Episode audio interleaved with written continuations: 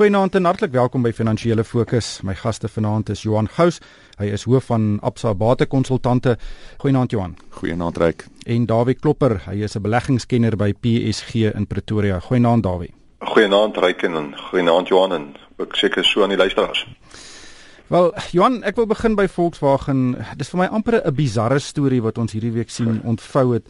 Uh weet waar Volkswagen se ingenieurs spesiale programmatuur in hulle motors ingebou het om te lieg oor die besoedelingsvlakke van daai motors en uh dit is regtig nie per ongeluk nie. Dit is nie, ook nie net een ingenieur wat sy eie kop gevolg het nie. Dit lyk of daar regtig 'n doelbewuste strategie by Volkswagen was om van hierdie Amerikaanse owerhede te mislei. En Volkswagen het nou baie baie groot moeilikheid. Die maatskappy se aandelepryse het met 40% geval. Uh die groep um, het altyd sy diesel engines bemark as hierdie ongelooflike omgewingsvriendelike diesel engines uh, wat dit nou natuurlik nie is nie. Hulle gaan verkope verloor en die maatskappy se reputasie gaan wel ly geweldige skade. Hoe hoe lees jy hierdie storie? Maar ek dis nie eintlik my verrassing nie. Die koolsuurgas toets uh, stelsel is jare alreeds oop vir omseiling deur motorvervaardigers beide in die FSA en Europa. Tans werk die stelsel in die FSA sodat Volkswagen en ander vervaardigers hulle eie toetse doen en dan die resultate na die omgewingsbeskermingsagentskap stuur waar dit dan deur ingenieurs hersien word en goedkeuring gegee word. Nou die agentskap doen elke nou en dan ook wel hulle eie onafhanklike toetse, maar slegs op omtrent so 10 na 15% van al die voertuie wat vervaardig word. So die uh, die agentskap laat ook baie vryheid aan motorvervaardigers toe waardeur hulle hulle toetse op die motors kan doen. Uh, dis kom die die die Volkswagen skandaal nie as 'n te groot verrassing vir my nie en was ook ander motorhandelaars wat ook tipe van ander wyse dalk maar met hierdie tipe van aktiwiteite besig was. Nou laas jaar het die Amerikaanse regering 'n uh, 350 miljoen dollar skikking met Hyundai en Kia ooreengekom met dieselfde tipe van wanpraktyke. So was daar ook eh, 'n uh, verslag gewees wat ehm um, vrygestel is net voor hierdie Volkswagen skandaal nou bekend gemaak is wat aangedui het dat daar groot verskille is tussen die toetsresultate en die werklike buitelug uitlatingsvlakke by BMW, by Mercedes en ook by Opel. So ek dink op hierdie stadium die omgewingsbeskermingsagentskap is op hierdie stadium onder druk om sy huis in orde te kry, deur die toetsroetines te verander en dalk ook tegnologie tot hulle beskikking beter te gebruik. Maar in die tussentyd het die Europese Kommissie nou aangekondig dat daar van 2017 af werklike buitelugtoetse gedoen sal word en het hulle ook die lidlande van die Europese Unie gevra om ook hulle eie ondersoeke te doen. Ons sal ook sien op die voorblaaie van al die koerante hierdie week was dit nou in ook in Europa en die Verenigde Koninkryk gevra dat daar nou meer toetse gedoen word op al hierdie dieselvoertuie. So wat Volkswagen gedoen het is eintlik bietjie 'n ander klas as wat die res van die vervaardigers gedoen het en ek dink die pak slaaf wat hulle kry kom hulle toe en ek dink meer uh, Wintercon se bedanking as hoofuitvoerende beampte is verwelkom en dit is die nodige eerste stap om die vertroue in hierdie motorvervaardiger te herstel. Hm. Daarby kan hulle daai vertroue herstel. Hulle gaan moet baie harde werk doen om dit te herstel en hierdie was 'n slag vir die reputasie van Volkswagen, 'n slag vir die reputasie van Duitsland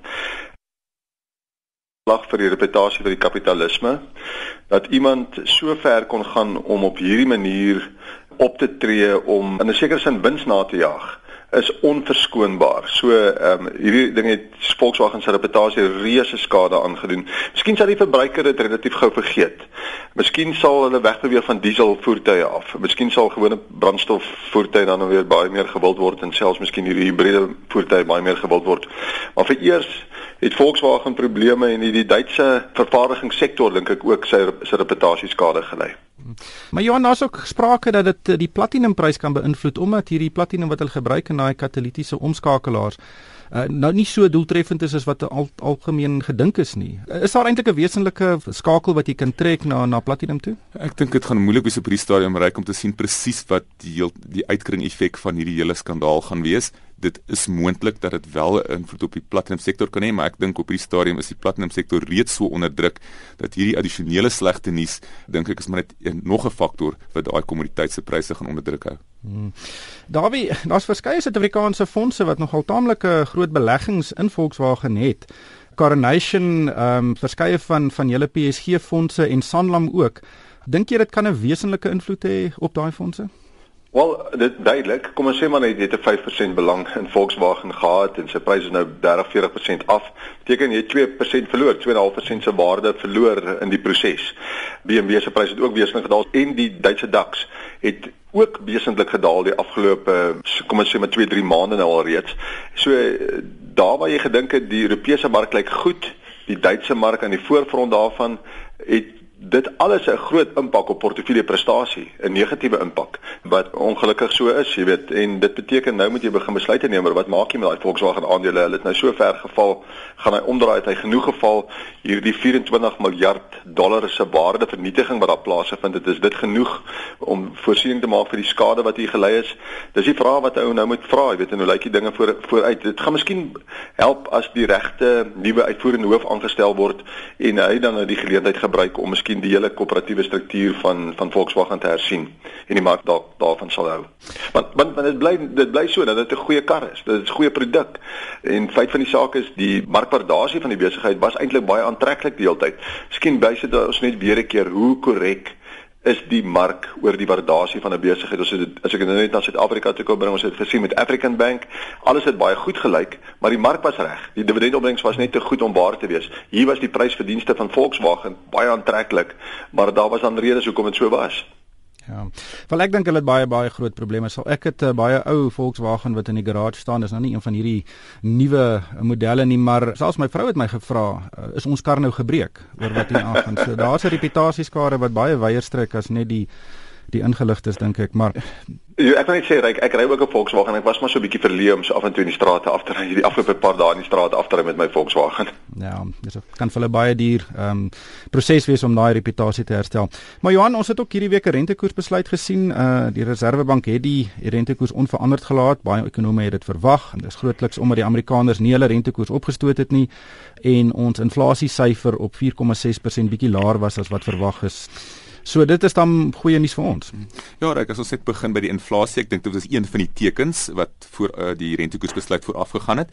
Ons het inflasie gehad van 4.6% voor Augustus wat dan laer was as die 5% van Julie en dit was klein bietjie onder die verwagting van meeste ekonome en dit is die laagste inflasiekoers nou in 3 maande nadat ons by 'n uh, 3.9% uh, laagtepunt gaan draai het vir inflasie in Februarie in hierdie siklus. So ek dink van die groot redes was daar 'n daling in vervoerkoste wat omtrent 16% van die mandjie uitmaak en dan ook 'n verlangsaming, nie 'n daling nie, maar 'n verlangsaming in die kostegroei van behuising en water, elektrisiteit wat uh, 25% van die mandjie uitmaak. So ek dink die Suid-Afrikaanse Reserwebank se rentekoersbesluit hierdie week was eintlik te verwagte na gelang van drie tekens. Soos jy genoem het, die Federale Reservebank het besluit om rentekoerse basies op 0% te hou in Amerika. Die minus 1.3% groei van die tweede kwartaal vir ons ekonomie was definitief 'n ander faktor gewees en dan hierdie beter as verwagte inflasiesyfers. So ek dink op hierdie stadium sal die Suid-Afrikaanse Reservebank dit baie moeilik kan verdedig sou hulle dink om rentekoerse opwaarts aan te pas en sal hulle dit wel doen, dink ek in elk geval gaan dit 'n lang proses wees van klein verhogings. Ja. Uh Dawie, die die groei vooruitsigte is ook afwaarts aangepas en aggressief. Die Reserwebank verwag vir 2015 'n groeikoers van 1,5%, vir volgende jaar 1,6% en dan 2017 2,1%. En uh weet dit is so dit is regtig uh, baie baie swak vooruitsigte wat ons het. Ongelukkig is dit so. En en die feit dat die Reservebank sy rentekoers in die eerste plek verhoog het, was iets wat ek nie heeltemal mee gemaklik was nie. Ons het dit gedoen in 'n omgewing waar meer as 50 ander lande sedert die begin van die jaar hulle rentekoerse verlaag het. Dit was ons een van vier lande wat hulle rentekoerse verhoog het op die oog af proaktief probeer wees met die oog daarop dat die Reservebank nou agter die Federale Reserveraad hulle rentekoerse sou verhoog. Ons wou seker goed regkry met hierdie verhoging ek en ek verstaan dat die Reservebank wou gesê het hulle wil inflasie onder beheer kry, maar hulle het ook in die proses van hulle so baie van inflasie gepraat en dink ek die inflasie verwagtinge van die land opbestuur en verwag die mense nou hoër inflasie om die Reservebank dit sê. So ek is nie heeltemal gemaklik met dit wat die Reservebank gedoen het in die eerste plek nie om nou natuurlik dit nie te, te verhoog het nie. Ja, goed en wel. Ek dink Johan het dit baie mooi toegelig hoekom hulle dit nie nou sou kon doen nie. Ehm um, en maar ek sien daar selfs van die ander meer gerekende ekonome en ek wil graag my aan hulle kant skaar wat sê die Reservebank behoort eintlik in 'n volgende rond hulle rentekoerse te verlaag omdat die groei so laag is, omdat die vooruitsigte so sleg is, omdat China so sukkel, omdat ons kommoditeitspryse onder soveel druk is. So ek moet sê ek dink nie um, ek dink nie ons moet uitlyn met die res van die wêreld beweeg nie. Ek verstaan ons het 'n inflasieprobleem, maar hierdie inflasieprobleem is nie vraaggedrewe nie, dit is um, aanbodgedrewe. Is is korrek wat uh, David daar sê, Ryk. Ek dink die faktore wat wel sou aandui dat inflasie nog steeds druk opwaartse druk gaan ervaar, is eerstens die droogtes ons het en die voedselpryse wat dalk mag styg as gevolg daarvan. Dan weer die lae oliepryse, ons het nie werklik voordele uitgetrek nie. Die swakker rand het eintlik daardie effek geneutraliseer en dit is absoluut koste drukfaktore. Dit is nie iets wat jy regtig aan kan doen met 'n monetêre beleid nie. Ek dink die ander ding wat die Reserwebank baie duidelik gemaak het, hulle gaan nie rentekoerse gebruik om die wisselkoers te probeer beskerm en op die langtermyn gaan dit nie werk nie. Daarby ek voel ook baie ek dink die Reserwebank is amper in 'n doodloopstraat. Weet hy het hierdie hierdie een stuk gereedskap in sy hand, noem dit 'n hamer en hy kan net 'n spyker daarmee inslaan. En die die hele kwessie van inflasie is nie net 'n rentekoers weet funksie nie. Daar's so baie ander koste strukture wat in die regering se beheer is wat 'n baie groter impak het. Ons kyk na elektrisiteitspryse, ons kyk na waterpryse, ons kyk na tolgelde. En die Reserwebank kan nie in isolasie uh, weet uh, inflasie in toom hou nie. Dit is inderdaad so. So met ander woorde, miskien het die Reserwebank ook met hierdie stap wat hulle geneem het twee maande terug vir die res van die uh, beleidsmakers in die land probeer sê maar julle sal moet saamwerk. Dis wat ons kan doen, maar julle gaan moet saamwerk om die hele omgewing rondom die bestuur van die land se ekonomie te herstel en die vertroue te herstel. En ehm um, dit hierdie is wat ons kan doen. Ons kan vir die kredietgraderingsagentskappe sê, maar ons is ernstig om te sorg dat ons ekonomie goed bestuur bly.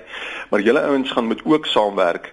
En as julle dit nie doen nie, dan is dit maar ons manier om om om die bietjie wat ons kan doen te doen. Miskien is daar iets daarvan uh, teenwoordig wees sonder dat hulle natuurlik aan 'n groot klok sou kan hang.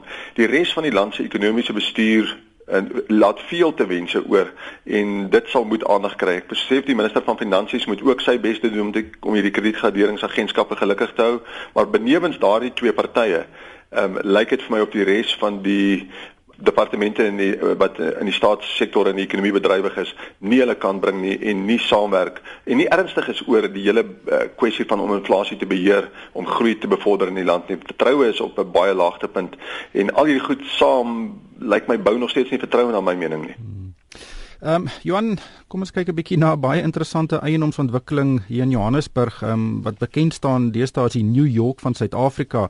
En dit is daai ehm um, Shanghai Zendai, 'n Chinese groep wat daai grond gekoop het by AECI in Modderfontein, 'n groot stuk grond, 1600 hektaar.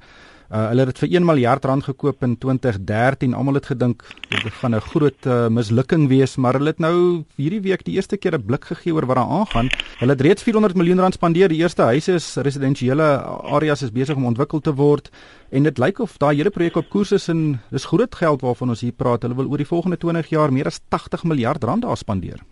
Ja, reg, die Modderfontein stad sal na verwagting die grootte van die Waterfall uh, stad se 340 hektaar ontwikkeling ewenaar. Nou die 84 miljard rand projek uh, vorder baie goed ten spyte van vrese dat die verlangsaming van die Chinese ekonomie ook dalk infrastruktuurprojekte in Suid-Afrika kan raak met die Hong Kong se genoteerde Zendai groep uh, wat by die ontwikkeling betrokke is. Maar die Modderfontein ontwikkeling sal wooneenhede, skole, hospitale, winkels, kantore en selfs nog 'n goudtreinstasie ook insluit.